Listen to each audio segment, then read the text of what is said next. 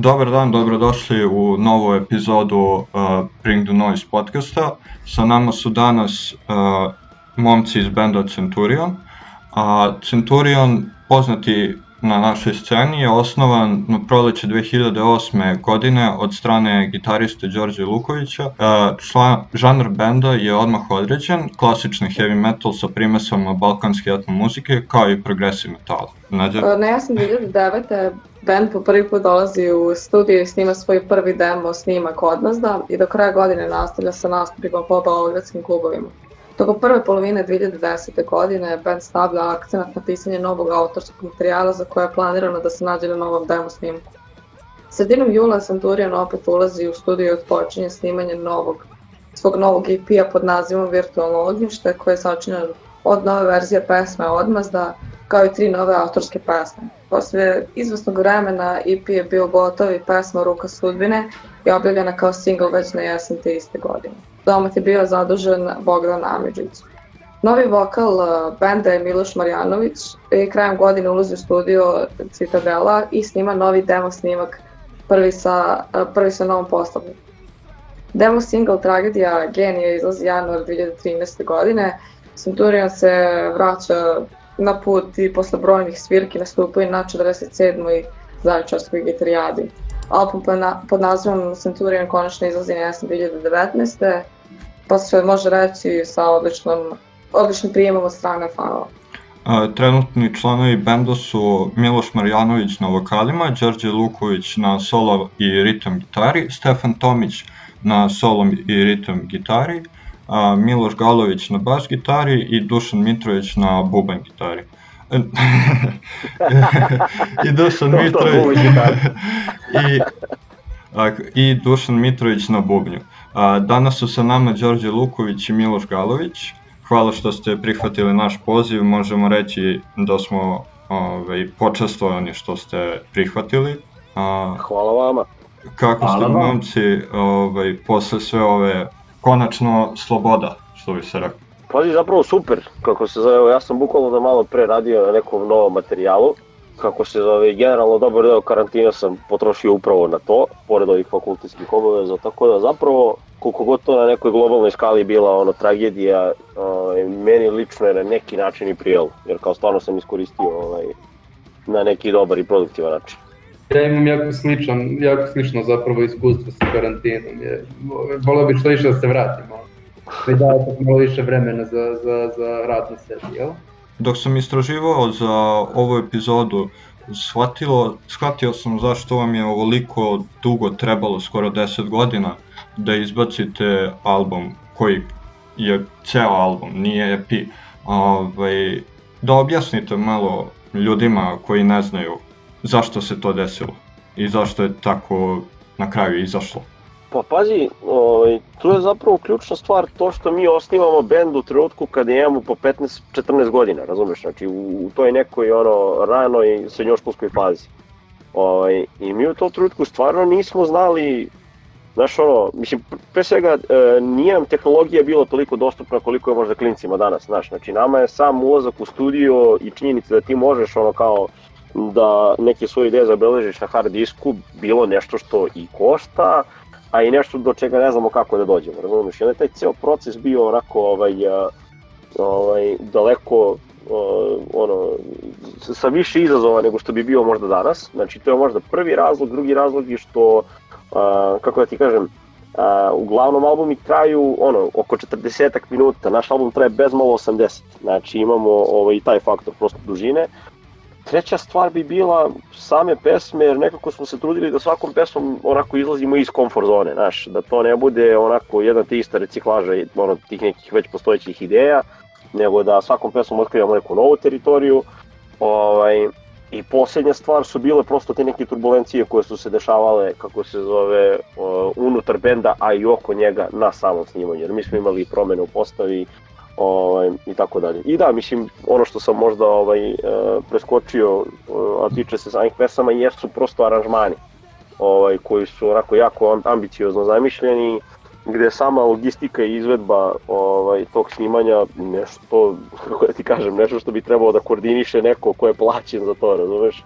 Ovaj, a ne mi jebi ga koji se bavimo između ostalog i svime, svime ostali, znaš, tako da ovaj, ima tu ono, ovaj, mnogo nekih faktora, ali ono što je ključna stvar jeste što je to na kraju izašlo, tako da mi stvarno možemo da se okrenemo i da kažemo da, baš je onako kako smo želeli, tako da sa te strane ovaj, nema, nema nekih ovaj, nedoumica i, i kajanja, da kažem. Nadam se da nećemo čekati još ovoliko vremena za sledeći album. Još 10 godina. Evo vidi, evo baš ovo što sam ti rekao, znači ovaj, mi smo ovaj, uveliko, onako stvarno smo duboko u procesu pisanja ovaj, novog materijala. Mislim, već u trenutku snimanja smo mi zagazili novi materijal, jer kako ti kažem, pesme koje se nalaze na albumu, e, najnovije ideje su možda iz neke 2014. godine. Znači mi manje više imamo 6 godina novog autorskog materijala koji sad treba nekako organizovati i od toga napraviti neku smislenu celinu. Tako da nije, nije ovaj, sada nije izazov, kako ti kažem, ne znam, manjak inspiracije ili bilo šta, nego naprotiv kao to izobilje toga i činjenica da ipak želimo da napravimo neku ono smislenu ovaj celinu, da ne bude samo neki zbornik pesama s brda zla, znaš, tako da to je to je prosto ovaj izazov koji je trenutno pred nama. Sada, sada jurimo da napravimo album od 120 minuta, jer ćemo sa svakim albumom da probijemo neku novu granicu. Da gledamo da na album ima 120 minuta, a da ga snimimo za 5 godina na nekom, uh, na nekom dužem planu, plan nam je da treći album možda bude čak 100, uh, koliko to, 60 minuta, a da ga snimimo za 2,5 godine. Dakle, da, da idemo tom nekom obrnutom, da kažem, obrnuta progresija neka koja bi sve više produživala vreme albuma samog, jer to je ono što će budućnost uh, da, da donese. Znači, ljudi će sve više da slušaju te neke uh, jako, jako dugačke albume, zato je to, zato mi ciljamo da, da budemo prvi negde na liniji te budućnosti neki plan. Pa pazi, generalno ljudi danas imaju jako ovaj, širok opseg pažnje i mi apsolutno želimo da, da, ono, da keširamo ovaj, e, na toj činjenici. Tako da ti dugački albumi mislim da su ovaj, nešto što se traži. A kao što je Dream Theater pre par godina izbacio veliki svoj koncept album koja da, je da, da. ne opera. Može se reći na tom nivou trajanja. Da. Je, pa ne, mislim, pazi, sad ono kao ovaj, šalo na stranu, ovaj, ja sam konkretno taj Dream Theater album uh, onako dočekao stvarno širom raširenih ruku, jer pazi, sam taj koncept kao ovaj, gde je kao ta neka uh, distopija u kojoj nema vremena za muziku i kao ljudi generalno ovaj, je ni ne slušaju, a pre svega je ni ne prave, nego kao to rade konkretno mašine, nešto što mi je bilo u fazonu, je kao cool, zanimljivo. Ovaj, jer mislim da negde kao koreni toga da kao ljudi imaju sve manje i manje strpljenja za nove stvari su već danas i tekako prisutni.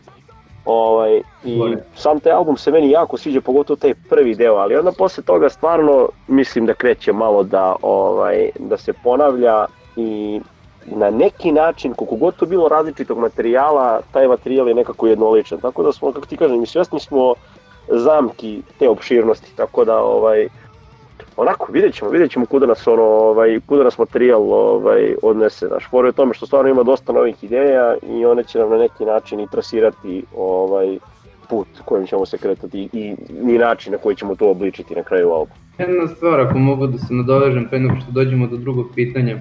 Primetio sam u ovom skriptu dok sam ga čitao, uh, taj tvoj deo, uh, prije, sva, kad si rekao Stefane, uh, shvatio sam zašto vam je voliko trebalo da snimite album. Mene zanima uh, iz tvojih očiju šta, šta ti smatraš da je razlog? Šta, šta je to što si shvatio? Pa mislim, razumeo sam da ste imali dosta turbulencija ovaj, da, dok ste, jer nije samo osnovati band, nego i da se osobine vas, ovih članova benda slože, da se slože ideje i da složite u stvari ceo taj materijal koji napišete, a i što je Đorđe rekao, bili ste mladi, mislim, jedno je snimiti ovaj, neki materijal sa 14-15 godina, a drugo je kada već ste muzičari koji imate neko iskustvo iza sebe, kao što na primjer George imaju Quasarbornu i u ovom Space Eateru i da u stvari uradite nešto što valja.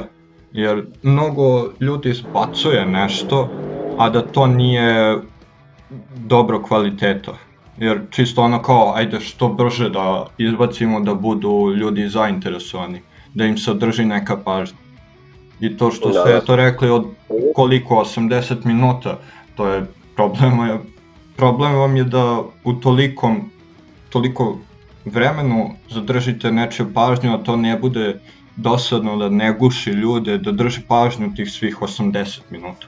Pa upravo, znaš, u fazonu, mislim, pazi, tu ima jedan, jedan faktor koji čini mi se ljudi često puta previđaju to što si pričao, ono kao, znaš, ono, izazovi da se nađu ljudi koji se kontaju, ne samo ovaj, u smislu kao muzičkog ukusa, nego i u smislu prosto ljudskih osobina, znaš, kao, lakše je Slayeru koji živi u Los Angelesu, koji ne znam, ono, ima više ljudi nego, nego čitava Srbija, znaš, kao, lakše je njima da se nađu i pravi ljudi i pravi muzičari, ako me razumeš, prosto ima, veći je taj izbor ovaj, ljudi koji imaš, dok mi imamo ta neka ograničenja i prosto je bilo potrebno vreme, razumeš, da kroz neko učenje i neke greške ovaj, mi dođemo zapravo do ove sadašnje postave koje je jako, jako kompaktno, znaš, tako da je to ovaj, čini mi se jedna od stvari koja se previđa, znaš, kao nije samo ono manjak medija i tržišta automatski i, i, i para koje se vrte na sceni, nego prosto i manjak ljudstva.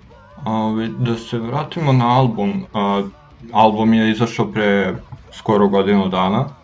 Ovaj, uh -huh. Zanima me, imali ste svirku u Elektropioniru putem da biste promovisali isti.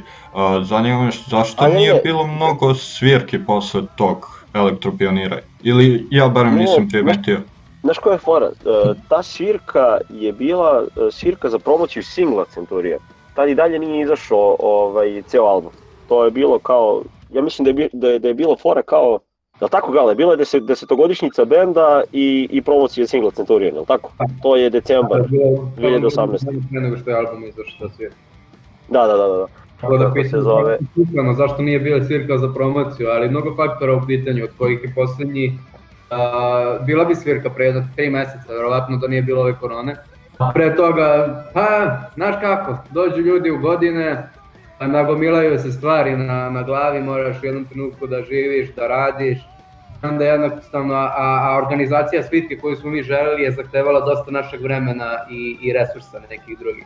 Onda jednostavno to nije moglo da se, moglo je, ali ono što smo mi želeli nije, nije nismo mogli da uradimo u tom trenutku, onda smo bili u zonu ajde da malo sačekamo, da nam se sve to slegne, da se malo svi oslobodimo od stvari koje imamo na glavi, napravimo spektakl jednostavno kako ćemo i napraviti sad kad se ako preteknemo, jel?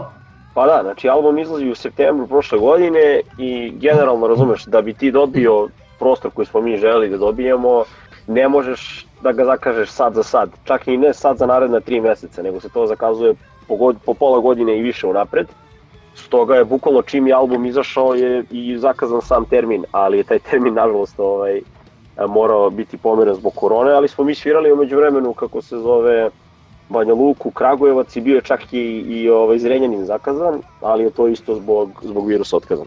A ovako što se tiče benda, kad je sklopljen, mislim, razumem, skontala sam ono klasično, izabere svoj heavy metal ili trash uglavnom, ali otkud to da ste baš sa heavy metalom uklopili ovaj, tu balkansku etno muziku? Čuj, pa mi nismo iz, iz Italije, nego s Balkana ćemo drugo da uklopimo nego balkansku etno muziku. Ono što nam je u prvi, bre. Dobro, naravno, ali otkud ta ideja?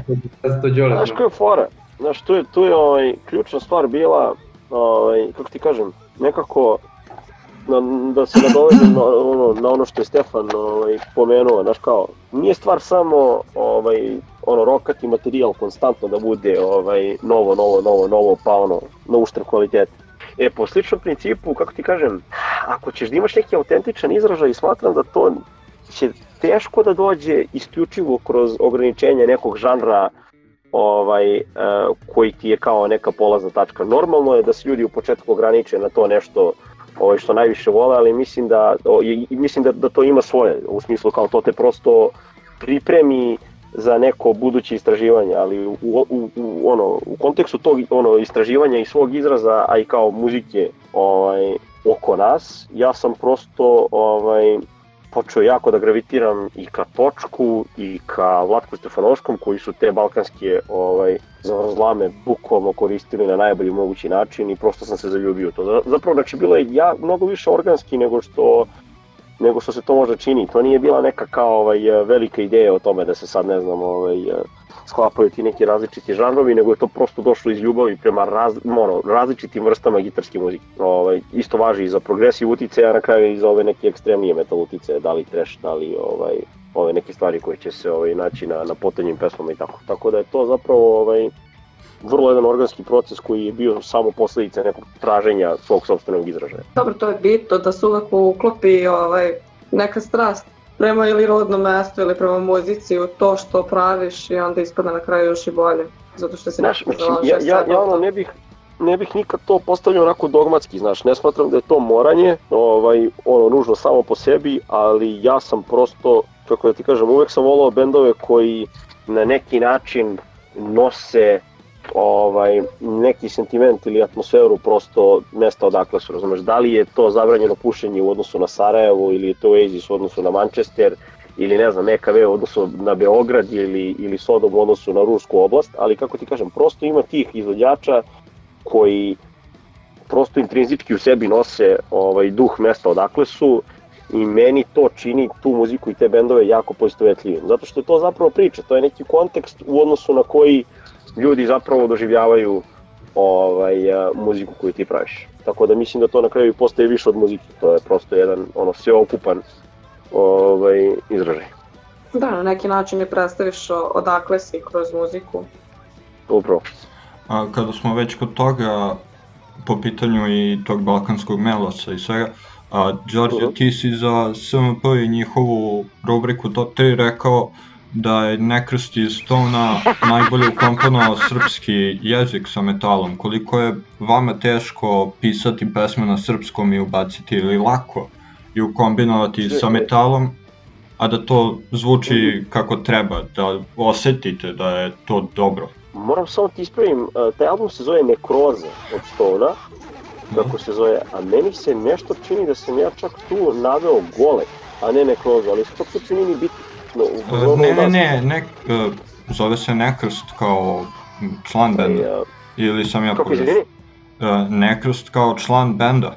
Ne, ne, Nefas, Nefas je pevao. Nefas, a. On je, on je, Nefas, da, da, da, da, on je, on je kako se zove, autor tekstova. Vidi, evo, znači, ovo je otprilike neko moje viđenje te situacije.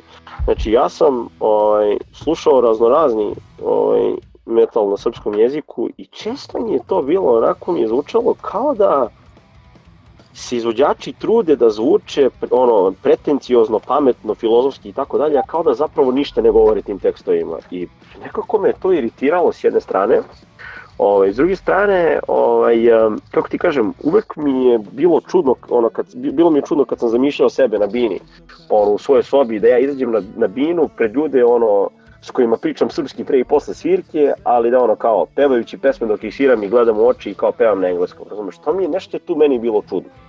I bio sam pozorno, te, prihvatio bih to kao izazov, ajde da probamo da uzmemo srpski jezik takav kakav jeste, mislim, on je jako poetičan, samo uh, taj broj slogova, mislim, ja uvek navodim isti primer, kao uh, ti na srpskom da bi rekao bombardovanje, ti imaš pet slogova, a na engleskom je bombing. I samim time kad imaš te ono ovaj brze tempe i kako ili tempoje kako se već kaže i ovaj kada imaš uh, te neke lomljave u ritmovima, prosto je engleski zgodniji u tom nekom smislu, ali sam ja to prihvatio kao izazov, evo, ajde probamo da napravimo nešto stvarno autentično i ovdašnje, ovaj, i da se potrudimo da to bude kako valja.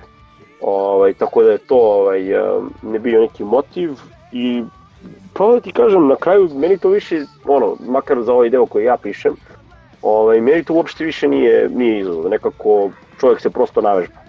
Pa dobro, Joe, ti si skoro izašao iz Quizabona da bi se posvetio Centurionu, pa da li to može da znači da ćemo od uskoro da dobijemo, točnije brže da očekujemo nov materijal u Centurion ili ćemo opet da čekamo 10 godina?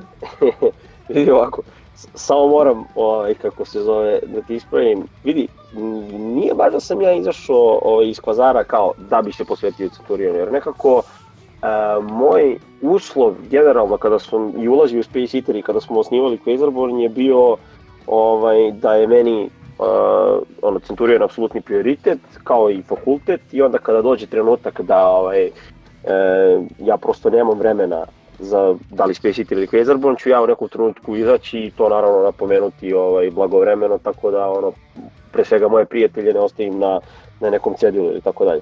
Tako da je ovaj, to razlog. Ja nikada, nikada na uštrb Centuriona nisam radio, ovaj, nisam se bavio nikakvim drugim ovaj, muzičkim aktivnostima.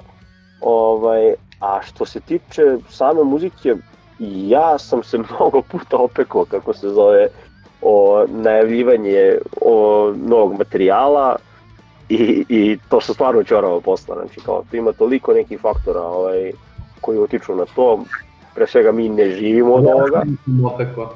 Tako da ja mogu Šta, šta? da najavljujem. Ja se nisam opekao, tako da ja mogu da najavljujem novi materijal. Ne, bolje nemoj ništa. Jer ću opet ja biti kriv. Evo, dva meseca izlaze bez. Ali u svakom slučaju, evo, ono, jedino što možemo da kažemo ono ozbiljno i sa, sa sigurnošću je ovaj, da, da se stvarno radi na novom materijalu i da ga ima podosta. Ali da se ne ja obećava vreme, da se ne, ne, Ne, ne, ne, nadamo ne. lažno. Ja stvarno ne bih to radio jer kako ti kažem, ono, nikad ne znaš, znaš kao ajde da smo mi plaćeni za ovo i da je ovo jedino što radimo u životu, pa mi razumeš, to bi bilo gotovo bukvalno što Gale kaže za dva, tri meseca. Pa da, ali ima puno nekih pametno. faktora. Jebi ga, znaš, ono kao, e, ja sam shvatio, i to je zapravo, mislim, dok se to dešavalo je bilo jako teško i izazovno, ali sada iz ove perspektive, malo hladnije glave, kapiram da su ljudi i tekako vezani za to što radimo, zato što su bile poprilično burne reakcije na, na iščekivanje albuma. Mislim, to samo pokazuje kao koliko ljudi zapravo vole to što mi radimo i baš zbog toga, zato što s jedne strane ne želim ovaj, da dajemo neka ovaj, uh, lažna obećanja, a s druge strane ne želim da zbrzavamo ništa, eto samo da bi se izbacilo, prosto da ne bismo žrtvovali kvalitet, Da, da, ne bih želeo ništa da obećavam, tako da toliko A tako je bolje, tako je bolje i za fanove i za vas, ovaj, oni dobiju kvalitet bez toga da očekuju neko vreme kada će to da izađe, zapravo ne izađe ta, da, vi dobijete taman toliko vremena koliko vam treba da napravite nešto što će da valje, što će da im se svidi, tako da definitivno to razumem i to treba da bude tako, ovaj, pa Upravo. 10 godina, 10 godina, nek Ne ali da. makar da bude kvalitet, tako da da. Dobro, Razvojica kao iz kamenog doba, majku ti je Ja ne znam, ja ulazim na ovaj Discord, on kaže napravi akaunt, ja rekao šta da napravim? Ja znam samo sa gitarom i kablovima, već pojačalo mi izazov, tako da dobro je, bitno da smo se uključili. Ima dugmića, ono nešto okrećeš, nešto klikneš. Ne. Kažem sve tu, aj molim te mi reši ovo pojačala. On reši nešto tu, ja stvarno sviram, ono žice, to je okej, to mogu da razumem, ali te dugmiće, to ono nešto equalizer, uh, bas, reset, to ne znam. Ajde, čekaj, Gala, ispriča ljudima kada, kada je bila prva svirka s tobom. Šta si radio sa pojačalom? Da, pojačalam. Ta srava s Da, da. pojačalam. A zato što imaju te neke stvari kada svirate, ja ne znam da vi momci i devojke svirate, ali, ali te neke stvari koje ja recimo nisam znao da se uopšte dešavaju, da onda pre svirke odeš pa nešto čvrkneš po gitari da vidiš da li je ona tu uključena, da ne bude nekih problema i onda upali- upališ neke stvari. Pa da sam ja nemam pojma šta je bilo, ja sam ni ne sjećam malo te prve svirke, uh, zato što je bila pod nabojem uh, hormona velikim. Ovaj, i, brate, i ništa, da sam zaboravio da uključim pojačalo, ja sam ga isključio, pa sam zaboravio da ga uključim i onda sam morao, kreće intro, kreće sve. pa, pa kaže Đole, gledaj da si upalio taj to pojačalo, ba nisam upalio pojačalo, jedno pojačalo. Ja sam morao da idem na sred pripreme za pesmu da, da, pri, da upalim pojačalo. Mislim da ima to na nekom snimku. Ne, vi mora skontati, znači on čovjek počinje da svira bas koliko? Pola godine pre te svirke, jel tako? Šta, pre, šta pola godine čoveče, ja sam, mi smo se našli, ja i Đoka, a, za novu godinu, doček nove godine je bio kad sam ja prvi put uvatio bas u ruku. I bila je fora kao, ajde, možda, možda ćeš ti, uh, možda ćeš ti Gale svirati ovu prvu svirku ako budeš mogao, ako ne, brate, potrudi se, ono, svirat će stari basista, pa će još ono upasti, ono, samo vežbe. I dobro, ja sad krenem da vežbam, tad sam svirao trzalicu.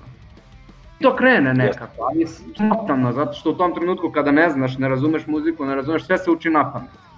Što učiš na pamet, em što imaš taj pritisak, pošto si ono, ono spotlightom na bini, Uh, em što, em što moraš da zapamtiš gomilu pesama koje nisu ni malo jednostavne. I onda se nekako približila ta svirka i bilo je kao mogu nekako da odsviram. I to je bila možda najveća trema koju sam u životu imao. I kažem, uh, ne znam sada da li deca gledaju, ajde neću da kažem, trema u svakom slučaju.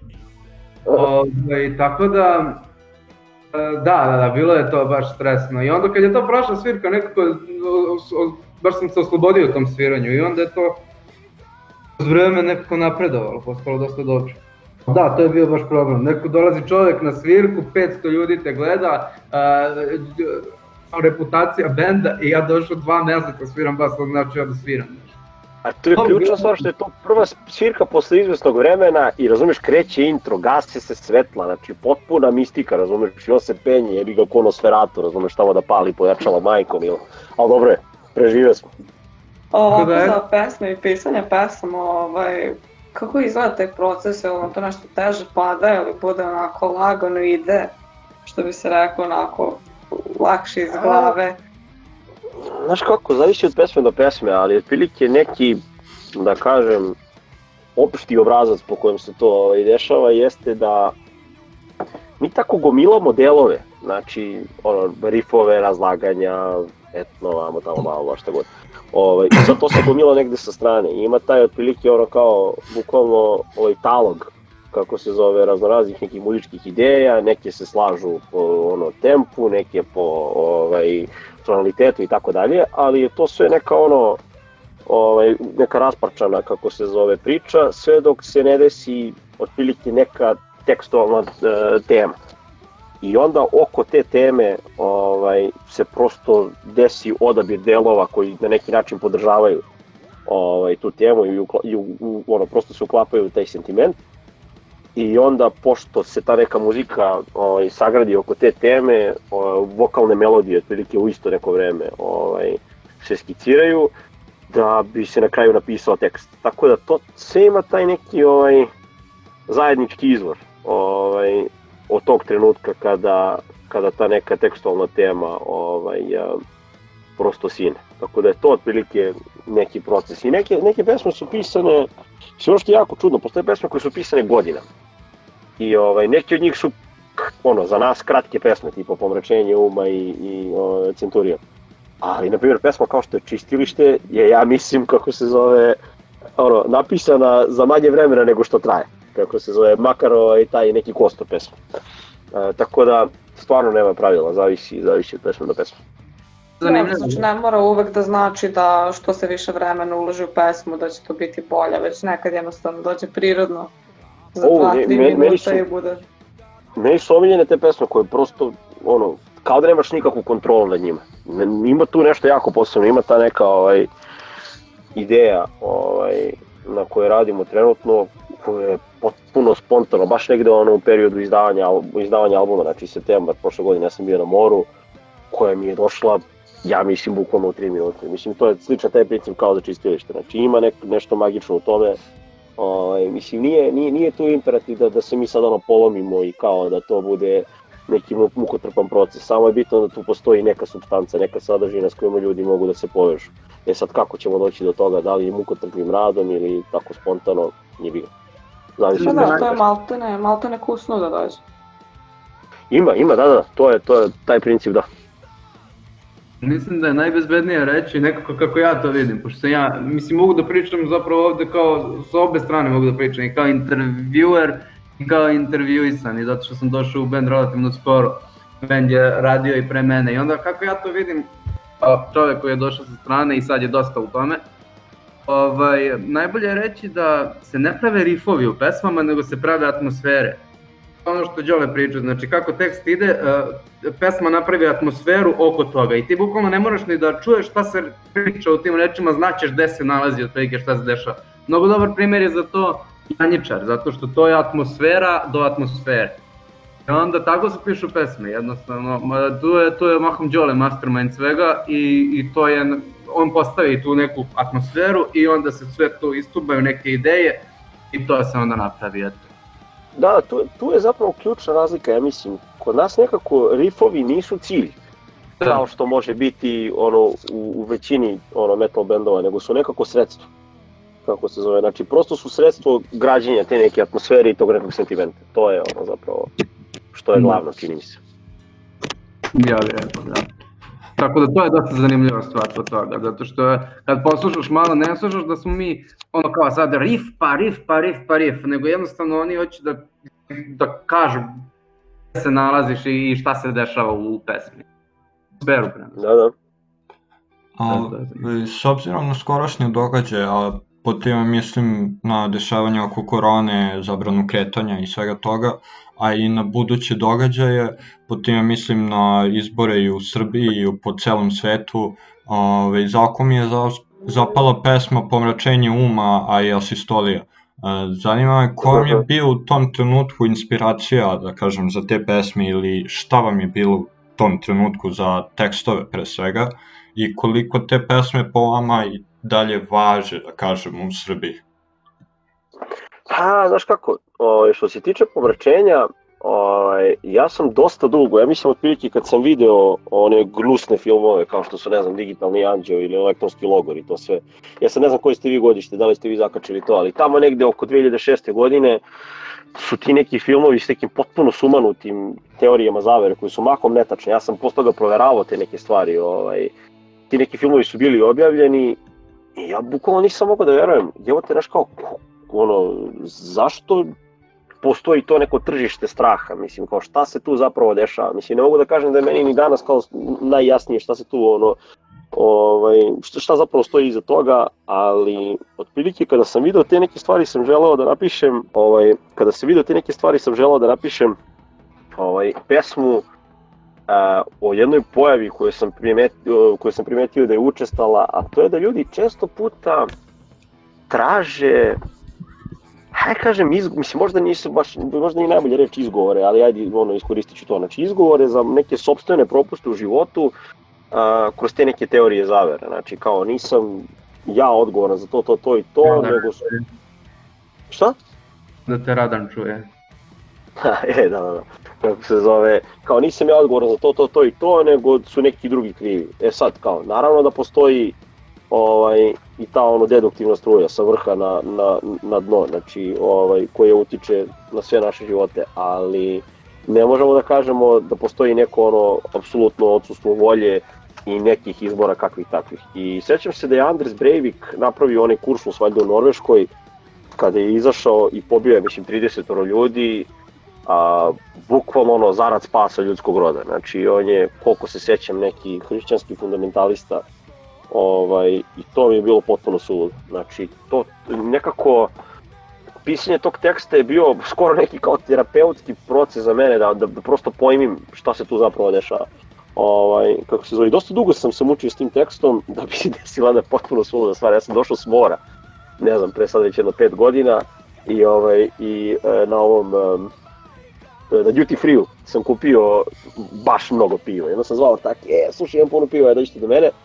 Ovaj, I mi smo cirkali negde do 4 ujutru i ja sam zaspao i ono, probudio se naravno kao i svaki put kad se prepiješ u 7 je biga. I onda sam tako razvaljen, bukvalno ono, pisao i zapravo napisao taj tekst. I sećam se da sam bio u fazonu sutra i rekao, ti da vidim šta sam ono napisao, koju pičku materiju, znaš, ono kao, ovaj, valjali išta. I zapravo sam skonto, uj, evo te ima kao baš nekih ovaj, um, a, dobrih momenta. Tako da ta pesma nije nužno direktno, onako eksplicitno politička, ali naravno, mislim, politika se prožima kroz sve moguće i nemoguće sfere, tako da to je to što se tiče pomečenja. A sistolija, a, ta ideja u tom tekstu je nastala tako što je Šomi imao neki tekst koji je pisao za svoj prethodni band Roadblock, ovaj, koji je bio onako, baš onako, da kažem, tinejdžerski ogorčen na taj neki način i, i, i sećam se da sam bio fazonu, jebate ima dobrih momenta u tekstu, ali nekako nije mi na tom nekom, ajde da ne zvučim nadmeno, ali kao nema mi tu neku um, šarenolikost i kao intrigu koje te neke teme koje se trudimo da, da obrađujemo imaju i onda sam bio u fazonu, ajde kao da ga nekako prepevamo, pošto je bio na engleskom, da ga prepevamo na srpski i da se malo izmeni. I sećam se da je sad neću da imenujem šta tačno, ali bio neki konkretno politički događaj i posle njega sam bio jako besan, jer kao bukvalno sebi nisam mogao da objasnim ni jednu ni drugu stranu, ovaj, bukvalno sam seo i nekako prosto je cijela ona prva strofa koja možda ja mislim naj, za sada od ovih objavljenih stvari najbesnija stvar koju, ovaj, koju smo izbacili. Tako da, to donekle ima veze s time. I koje godine je to bilo? Ne sjećam se. Jebo malo. A Ne, po ne, tebi, Miloše, šta te pesme znači možda za tebe? Ili da li ti imaš neko drugo viđenje na, na tekstove tih pesama? Pa ja, ne, ja generalno ne razumem šta se tu dešava. neke komplikovane reči, neke komplikovane nešto. Znam ja da to ima neku umetničku vrednost, a ja to ne razumem. On samo zna pojačalo da, da, da isključi kad treba da bude uključen. Ja samo... Tu je stručan, ovo ostalo slabije. Pripisat ćemo to što si basista, da kažemo da je zbog toga. A, da, da. Pa ne, meni je, meni je što najgore, koji je moj omiljeni tekst, ja ne mogu to da... Ne znam, svi su i svi imaju nešto svoje, ne, ne mogu da kažem da imam omiljeni tekst. Ne mogu da kažem da ne, možda čak i hodočasnik pesma koju niko ne po, pominje. Možda i čistilište. Čistilište, zato što je ona dosta ovako filo, filozofska, razlika od svih ostalih. Znači, Ovo je- isti čovjek koji ne razume o čemu se radi u o, povrćenju uma, omiljeni tekst mu je čistili štjeri filozof.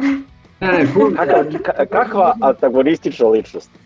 A ne znam kako, kako tačno da odgovorim na, na pitanje u smislu kako je moje viđenje tih tekstova. Mislim, dobri su tekstovi, nema šta.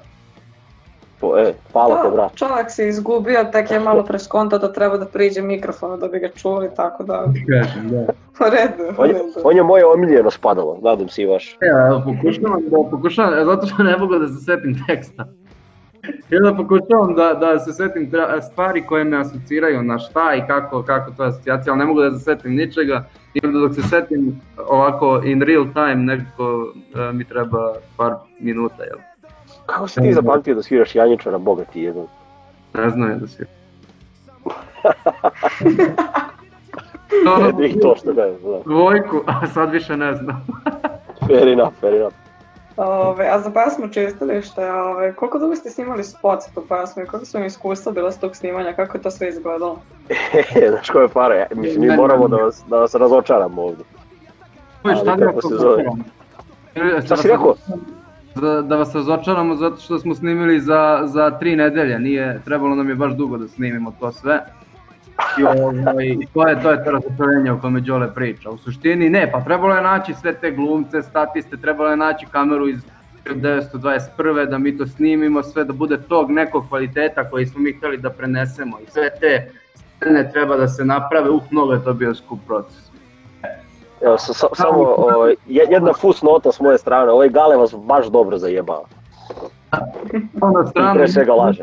mi smo uzeli lepo neki film koji je stariji od 70 godina, tako da na njemu ne postoje autorska prava. Isekli, malo je, imao je tematiku neku sličnu čistilištu, isekli smo tako delove i poređali u spot i ajde vam spot. To je znači film koji se zove, kako se zove film? Kabinet doktora Kaligarije.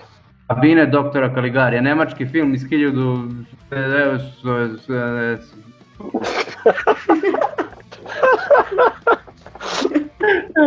I, i, I da, i to je to, eto, to je spot. Zato sam ja začudio, a ćete da promenite možda da nas pitate koliko nam je trebalo da snimamo pomračenje, pošto je to zapravo spot koji smo mi snimali. A, ajde, zaboravi da sam pitala ovo, pa reci to. To, to, aj Gale, naruči pitanje, jebi ga.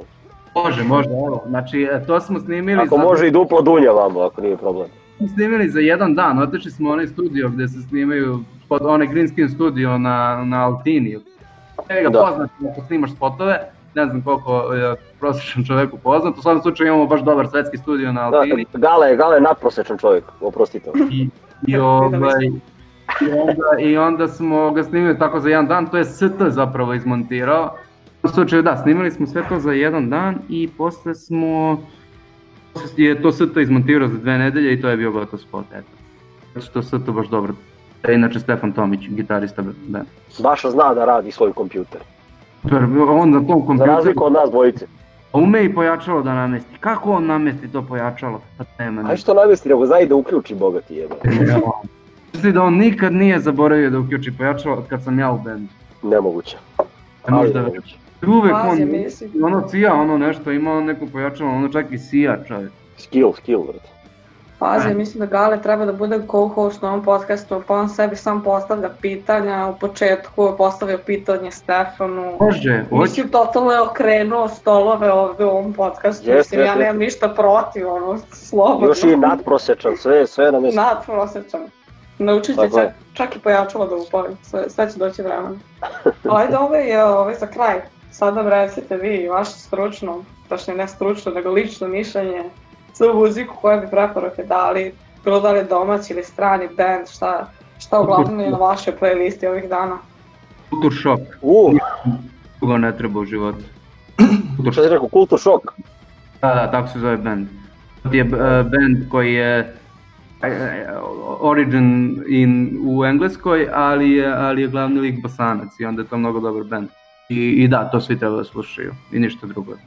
Ne znam, ja, o, ja ovih dana zapravo se vraćam i otkrivam posle, ono, ja mislim 20 godina je bi ga ponovo Uriah Heep kako se zove, konkretno slušam ovaj album Demons and Wizards, ovaj, i onako, mislim, ja sam generalno ono, preslušao boga oca rock'n'rolla, ono, bukvalno, znači, od, od Chuck Berrya pa ono, do, do Vektora i Ghosta jebi ga, ali ovaj, ima tih neki par bendova koji su ono jako veliki, a koje sam na neki način ovaj, ili zaobišao ili nisam dovoljno slušao i jedan od njih je Uriah Heep i slušam ovaj, Demons and Wizards, jako zanimljiv album, negde na pola puta između Deep Purple-a i onih nekih ono, Led Zeppelin momenta, pogotovo sa trećeg albuma, znači kao te neke folki, akustične ovaj, zajebancije.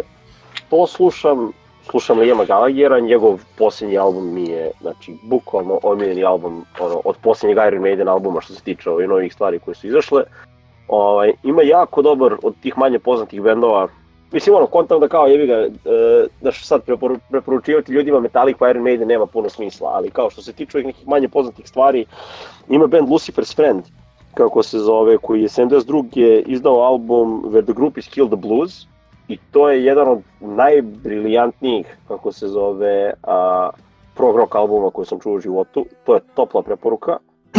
Onda Leech Lord, uh, band album Master Control, znači za sve fanove US Power metala, znači taj kao neki heavy speed, ono, ko voli to, hodočasnik, Centurion, ovaj, odmah da te, ovaj, te neke fore, znači topla preporuka za taj album i ovaj, ima band koji je izdao Sub, Sub Pop, to je ova uh, izdavačka kuća iz Sijetla koja je inače izdala Nirvanu i tako dalje, raznorazne neke bendove je ovaj, otkrila. Uh, je izdala drugi album benda Fleet Foxes, album se zove Helplessness Blues. To je neki kao akustični folk američki, jako, jako dobar band, tako da to bi bile neke ovaj, preporuke od mene.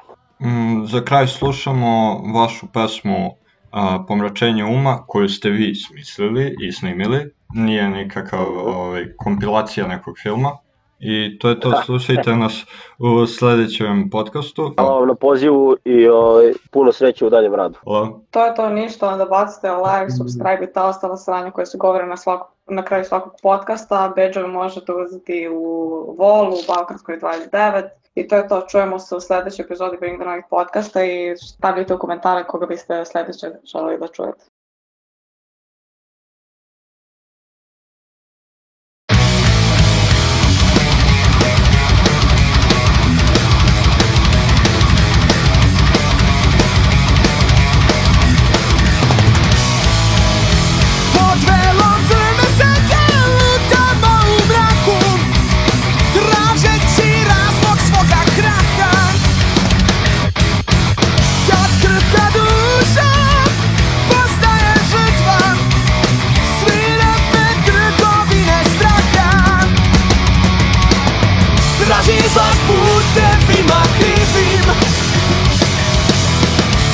Misli da